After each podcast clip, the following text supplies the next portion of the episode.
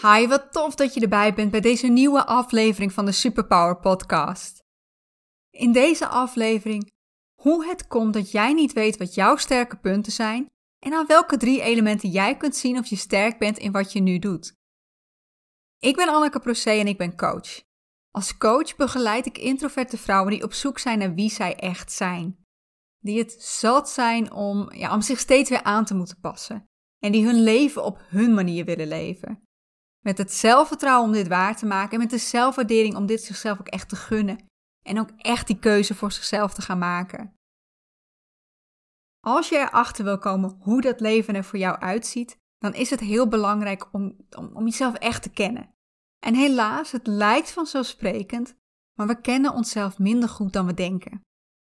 De meeste van ons hebben ons al van jongs af aan aanleren passen. En we hebben niet geleerd om ons hart te volgen. En we hebben ook niet geleerd om te herkennen waar we in uitblinken, wat, wat, onze sterke punten zijn. Die laatste, dat is waar deze aflevering over gaat. Ik neem je mee in hoe het komt dat jij dit niet van jezelf weet. En ik ga met je doornemen aan welke drie elementen jij kunt herkennen of dat wat jij nu doet, de vaardigheden die jij regelmatig gebruikt, of dat jouw sterke punten zijn. Ben je er goed in of wil je er goed in worden? Doe je het graag? En daagt het je voldoende uit? Niet te veel, maar zeker ook niet te weinig. Ik denk je trouwens wel vooral aan vaardigheden die je gebruikt in je werk. En dat ga je denk ik ook wel terug horen in de podcast. Maar kijk ook vooral verder dan dat. Wat doe jij buiten je werk allemaal waar jij sterk in bent? Oké, laten we beginnen. Welkom bij de Superpower Podcast. Ik ben Anneke Procé, coach. In deze podcast laat ik jou zien dat jij geen genoegen hoeft te nemen met jouw werk als dit jou niet gelukkig maakt. Als jij hier geen voldoening uit haalt. En ik breng je weer in contact met jouw superkrachten, zodat jij het beste uit jezelf, uit je werk en uit je leven kunt halen. Misschien overdonder ik je hiermee, maar de kans is zeer klein dat jij ooit hebt geleerd waar jij aanleg voor hebt. Wat echt jouw sterke punten zijn. Als dat wel zo is, mooi, dan ben jij de uitzondering op de regel. Maar heel veel van ons hebben dat niet. Hoe komt dat? Klinkt misschien verwijtend, maar daar is ons schoolsysteem niet op gebouwd. Ons schoolsysteem is ontworpen om jou een aantal basiskills bij te brengen en niet om met jou uit te zoeken waar echt jouw kracht ligt. Op school krijg je een aantal vakken en op de basisschool dan volgt de hele klas hetzelfde lesprogramma. Tenminste, dat was wel zo in mijn tijd en ik doe even de aanname dat dat nog steeds zo is. En op de middelbare school kreeg je dan de eerste jaren allemaal hetzelfde en mocht je daarna een beetje kiezen. In mijn tijd, en oh my, nu klink ik oud, ehm, ja, mocht ik een paar vakken laten vallen en mocht ik zelf kiezen welke. En voor mij was dat absoluut Frans. Tegenwoordig kies je een profiel. Een profiel waar een aantal vaste vakken in zitten waar je het mee moet doen. Dus ja, je hebt een klein beetje keuze, maar niet veel. En wat de inhoud van je profiel ook is, het aantal skills wat je daarin gebruikt is maar heel beperkt. Het is echt geen, ja, geen totaal overzicht van alles wat je maar zou kunnen. Wat je daarbij op school ook leerde, je moet overal voldoende voor staan en het liefst zo hoog mogelijk. Stond je ergens onvoldoende voor of net voldoende, dan was het de bedoeling dat je daar meer aandacht aan ging besteden. Verbeter je zwakke punten. Maar er werd niet met je meegekeken waar jij bijzonder sterk in was. En ik noem het even bijzonder sterk, maar die dingen waar jij en goed in was en waar je plezier aan beleefde om daarmee bezig te zijn. Waar je de intrinsieke motivatie voelde om daar beter in te worden. Ga ik er wel even van uit dat je niet de opstandige tiener was die alle vakken zwaar K vond. Maar je had niet een docent of een schoolbegeleider die met jou ging onderzoeken waar jij sterk in bent. En dus kreeg je ook niet de kans om juist dat te versterken. Eerlijk, ik weet ook niet of dit de verantwoordelijkheid van een school is. Zou het misschien wel moeten zijn, want we zijn nou eenmaal niet overal even goed in. En ik ben voor het ontdekken waar ieder voor zich goed in is, echt goed in is, waar we bovengemiddeld sterk in zijn. En niet omdat iedereen bijzonder is, maar omdat we allemaal onze eigen unieke sterke punten hebben. Laten we ophouden met allemaal overal middelmatig in worden. Stoppen met het verbeteren van onze zwakke punten en ons gaan focussen op onze sterke punten. Voor de introverte mensen onder ons, die zijn nog een extra obstakel tegengekomen. Als, als introvert ben je namelijk opgevoed in een omgeving waar extraversie de norm is. Een grote vriendengroep was bijvoorbeeld de norm, dus alleen willen zijn werd niet geaccepteerd. Terwijl daar juist een enorme onafhankelijkheid en zelfstandigheid in zit. Nadenken en observeren voordat je met een goed doordacht idee kwam. Noop ad rem zijn en van je laten horen. Dat was belangrijk. Bij jou was het niet alleen dat er geen focus was op je sterke punten. Waarschijnlijk heb je bewust of onbewust meegekregen dat jouw sterke punten dat die worden gezien als zwakke punten. Wat niet waar is natuurlijk. Zelfstandigheid en met goed doordachte ideeën kunnen komen heeft absoluut zijn waarde en hebben we ook nodig. Goed, na de middelbare school kwam je vervolgopleiding. En als ik kijk naar mijn eigen opleiding, dan was dat het eerste jaar een vast programma en daarna kon je gaan kiezen. Uh, kiezen welke vakken je wilde volgen. Maar eh, de hele opleiding had nog wel een vaste opbouw. X-punten uit vakken en Y-punten uit onderzoek in mijn geval. Uh, maar zelfs al heeft je opleiding al veel meer va variatie gezeten, als jij na je middelbare school nog geen idee had wat jouw sterke punten zijn, dan is de kans groot dat je die bij je opleiding ook niet hebt ontwikkeld, want daar heb jij je opleiding niet op uitgezocht. En ja, toen was je klaar met studeren en toen was het tijd om de arbeidsmarkt op te gaan. En je hebt daar een baan weten te vinden en je kwam terecht in een functie. Werd het daar beter? Word je daar wel begeleid op waar je sterk in bent? Ik kan niet voor elke werkgever spreken. Er zullen er vast zijn die het wel doen. Maar de werkgevers waar ik heb gewerkt, werd ik eigenlijk alleen beoordeeld op de functie zelf. Uh, voor jouw functie heb je een aantal vaardigheden nodig, tenminste, dat is de gedachte. Uh, maar die gedachte is volgens mij nog wel eens kort door de bocht. Tijdens een beoordelingsgesprek krijg je dan complimenten voor die vaardigheden waar je goed in bent.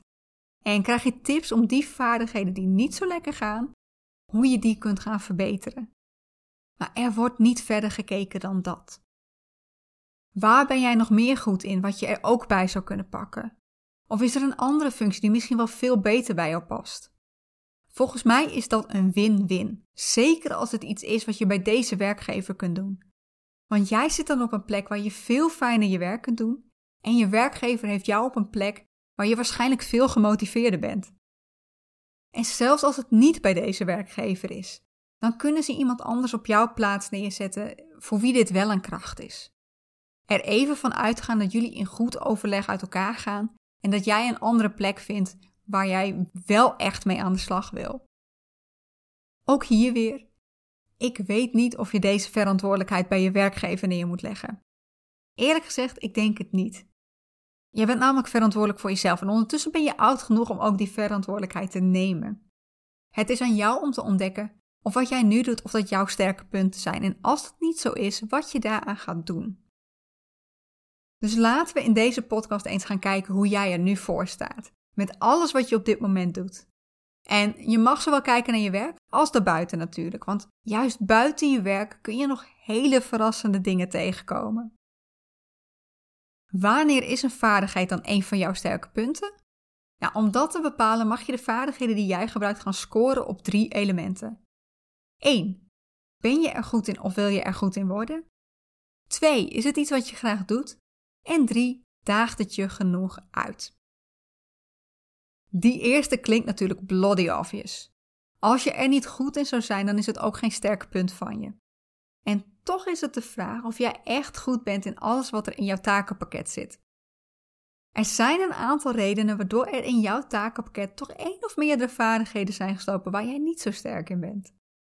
Ten eerste, kan zijn dat toen jij op zoek ging naar werk dat je nog geen idee had waar je eigenlijk goed in was. En dat is geen verwijt.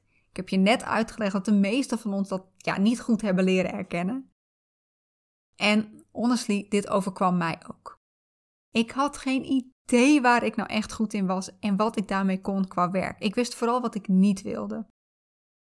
En uiteindelijk ben ik ergens ingerold omdat ik toch een baan nodig had en dacht: ach, als ze iemand zonder ervaring aannemen, dan kan ik het vast leren. Ten tweede, Je wist het wel en daar heb je ook op gesolliciteerd.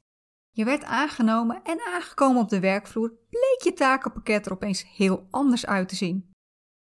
Uh, misten er een aantal vaardigheden waar jij heel sterk in bent? En had je opeens vaardigheden nodig waar je wat minder in bent? Ten derde, de inhoud van een functie is geen vaststaand gegeven. Werk verandert. Dus zelfs als je toen je startte in een functie terechtkwam die echt uitstekend bij jou paste, dan kan het heel goed zijn dat er ondertussen taken zijn weggevallen waar je heel goed in was.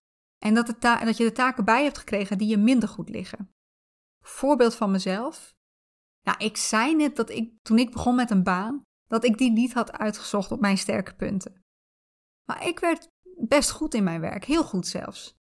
Ik was software tester en ik was heel goed in het uitpuzzelen wat er allemaal gecontroleerd moest worden, zodat we konden bepalen of de nieuwe functionaliteit werkt.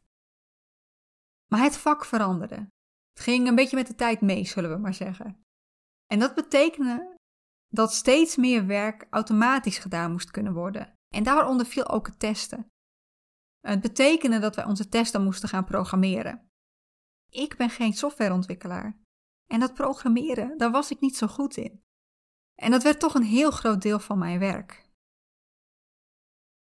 Ten vierde, en dat is de laatste, je bent doorgegroeid in een functie waar jij minder goed in bent. We willen bijna allemaal doorgroeien. Voor de een omdat ze niet steeds op dezelfde plek willen blijven zitten. Voor anderen omdat er een loonsverhoging aan zit. Uh, beide niks mis mee. Of, en dat kan ook nog, zelf vind je misschien dat je op de perfecte plek zit en dat het salaris gewoon goed is. Maar verwacht jouw werkgever of leidinggevende wel dat iedereen de intentie heeft om door te groeien. En als je dan niet mee gaat groeien, dat je dan de indruk geeft dat je niet gemotiveerd genoeg bent om beter te worden. Maar wat is het vaak bij doorgroeien? Meestal is er maar één richting die je op kunt. Of het lijken er meerdere, maar het komt ongeveer op hetzelfde neer. Je krijgt steeds meer leidinggevende taken. Hoe vaak ik wel niet bij een beoordelingsgesprek heb gehoord dat ik zichtbaarder moest worden. Uh, dat niet iedereen binnen het bedrijf me kende en dat dat toch echt moest, wilde ik groter kunnen groeien. Dat ik me meer moest profileren en mondiger moest worden. Dat ik moest laten zien dat ik leiding kon geven of kon managen. Als ik daar elke keer geld voor had gekregen, dan had ik aardig wat extra kunnen verdienen. Wel, update, dat willen we niet allemaal. Veel mensen willen ook gewoon steeds beter worden in het vak wat ze doen. Niet iets totaal anders gaan doen. Dit is er weer eentje waar vooral de introverte werknemer zich in herkent. Wij willen vaak vooral heel goed worden in het vak wat we doen. En ook daar willen we wel in doorgroeien, door op de hoogte te blijven van de nieuwste ontwikkelingen of door extra cursussen te volgen. Maar de meeste introverte mensen hebben er geen behoefte aan om altijd zichtbaar en ad rem te moeten zijn. En binnen een bedrijf wordt dat vaak gezien als groei. Wat er dan gebeurt als je doorgroeit, is dat je in een functie terechtkomt die helemaal niet bij jou als persoon past, waar je helemaal niet zo sterk in bent. Anyway, dit is hoe het komt dat jij taken hebt waar jij minder goed in bent. Herken je hier totaal niet in? Mooi. Dan zit dit voor jou in ieder geval goed. Doe jij in ieder geval waar je goed in bent. Maar ik gok dat veel hier al een paar vaardigheden aan hebben kunnen wijzen waarvan ze denken: het lukt wel, maar het gaat nou ook weer niet van harte. Oh, by the way, dit betekent niet dat je overal al goed in moet zijn. Je kunt en mag altijd nog nieuwe vaardigheden bijleren. Tenzij je letterlijk alles al hebt uitgeprobeerd wat er op deze wereld te, uit te proberen valt. Uh, maar anders kun je niet eens weten waar jij allemaal goed in kan worden. En alles uitgeprobeerd hebben is volgens mij onmogelijk. Dus wie weet wat er nog onder het oppervlak verborgen ligt. Maar, en die vind ik heel belangrijk, het moet wel iets zijn wat jij echt wil leren intrinsiek vanuit jezelf. En niet omdat het een moedje is voor je functie of om door te kunnen groeien. Als dat de reden is waarom jij iets wil leren, dan mag je je af gaan vragen of die functie, of die toekomstige functie, of die wel echt bij jou past. Gaan we door naar element 2. Gebruik jij deze vaardigheden ook graag? En deze vind ik echt super belangrijk. Want misschien denk je nu dat ergens goed in zijn dat dat genoeg is, maar really? Ik snap dat werk een noodzakelijk kwaad lijkt. Dat je het nodig hebt omdat je anders niet kunt leven. Dat het er nou eenmaal bij hoort. Maar dat betekent niet dat je je werk niet leuk mag vinden. Het moet niet de bedoeling zijn dat jij jezelf elke dag naar je werk sleept, omdat het nou eenmaal moet. Believe me, been there, done that, don't recommend it. Ik zeg daarmee trouwens niet dat je alles helemaal geweldig moet vinden. Er, zijn, er gaan altijd taken zijn die je minder leuk vindt. Want net als je leven is je werk gewoon niet perfect. Als we echt de perfecte baan willen, dan gaan we altijd van een koude kermis thuiskomen. Wordt altijd een teleurstelling, want die bestaat niet. Maar het gaat om de verhouding. Dat het grootste deel van het werk wat je doet, dat dat wel leuk is. Of in ieder geval de kern van wat je doet. Voorbeeldje. Niet werkgerelateerd, maar hier kan iedereen zich iets bij voorstellen. Stel dat ik vind dat ik supergoed ben in het strijken en het opvouwen van de was. Ik zeg even stel dat, ik denk namelijk niet dat het zo is. Maar als ik dat dan heb gedaan, dan zit er geen kreukje meer in en ligt alles super netjes op elkaar. Precies goed. Maar is dat ook iets waar ik graag mee bezig ben? Ben ik blij dat ik dat weer mag gaan doen? Absoluut niet, zeg. En nou kun je van het huishouden zeggen, maar dat hoort er nou eenmaal bij. Tenminste, als je net als ik eh, niet iemand hebt die het huishouden voor je doet. Maar dit gebeurt ook op ons werk. Dat we taken op ons bordje hebben liggen waar we wel goed in zijn, maar die we het liefst nooit uitvoeren. Wat bij ons op kantoor bijvoorbeeld veel gebeurde, was dat er een nieuwe taak of een nieuw onderwerp bij kwam. Iets wat nog niemand kon. En ja, dat moest wel opgepakt worden. Dus er was altijd iemand die het, die het moest gaan leren. Deze collega, die zette dan alles op alles om het zo goed mogelijk te doen. Hij ging het leren omdat het moest en niet omdat hij het wilde. Maar daarna was het alsof er aan deze persoon een soort van label hing. En op dat labeltje stond: Voor deze taak of dit onderwerp moet je altijd bij hem zijn. Want dat is waar hij het beste in is. Ik gebruik hier trouwens het woord hij. Uh, maar dat komt doordat in mijn geval uh, ja, zo'n 90% van mijn collega's man was. Als het niet meer was. Uh, maar anyway, hij was er wel goed in. Maar deed het niet graag. Op die manier kan jij ook taken hebben gekregen die jij niet zo leuk vindt. Uh, of doordat je toen je aan deze baan begon nog niet goed wist waar jij sterk in was en daardoor taken op je bord kreeg die je maar moest leren. Of omdat je functie is veranderd. Via elke weg kunnen er taken en daarmee vaardigheden bij zijn gekomen die je wel hebt geleerd en nu dus goed in bent, maar die je helemaal niet graag doet. Waarom ik dit zo belangrijk vind? Dingen doen die je niet graag doet, kosten je meer energie dan je lief is. Die zuigen je leeg. En als je dat maar lang genoeg doet, dan val je uiteindelijk uit. Hoe kun je dan zien of jij graag doet wat je nu doet? Nou, daarvoor mag je jezelf bij een taak de volgende vragen gaan stellen. Heb je er zin in om eraan te beginnen? Geniet je ervan als je ermee bezig bent? En als je klaar bent, voel je je dan voldaan? En ik snap heel goed dat niet alles wat je doet, dat je meteen staat te juichen en te springen. Het gevoel kan heel subtiel zijn, uh, maar het mag in ieder geval niet zo voelen.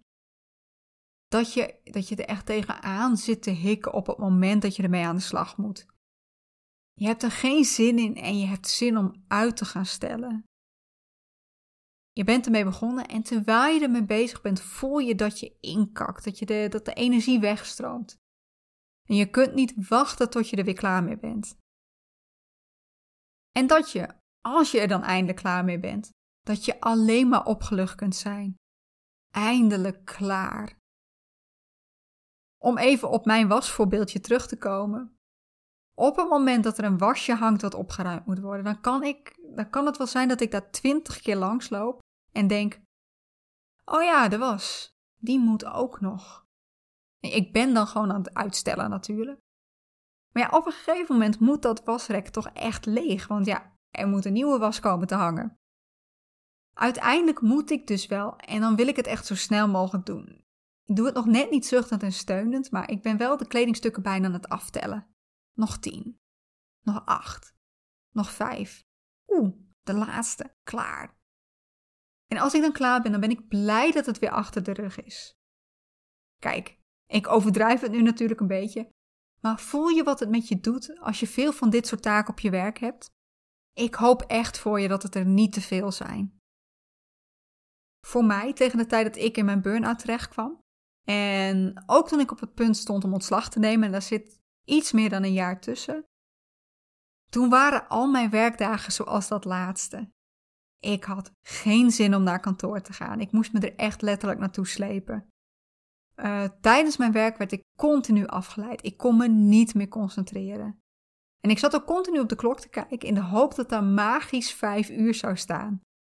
En als het dan eindelijk vijf uur was, dan ging ik opgelucht naar huis, maar was ik ondertussen helemaal gesloopt.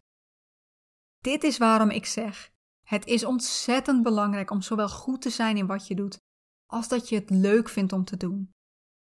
dat je in ieder geval geen weerstand voelt om ermee aan de slag te gaan.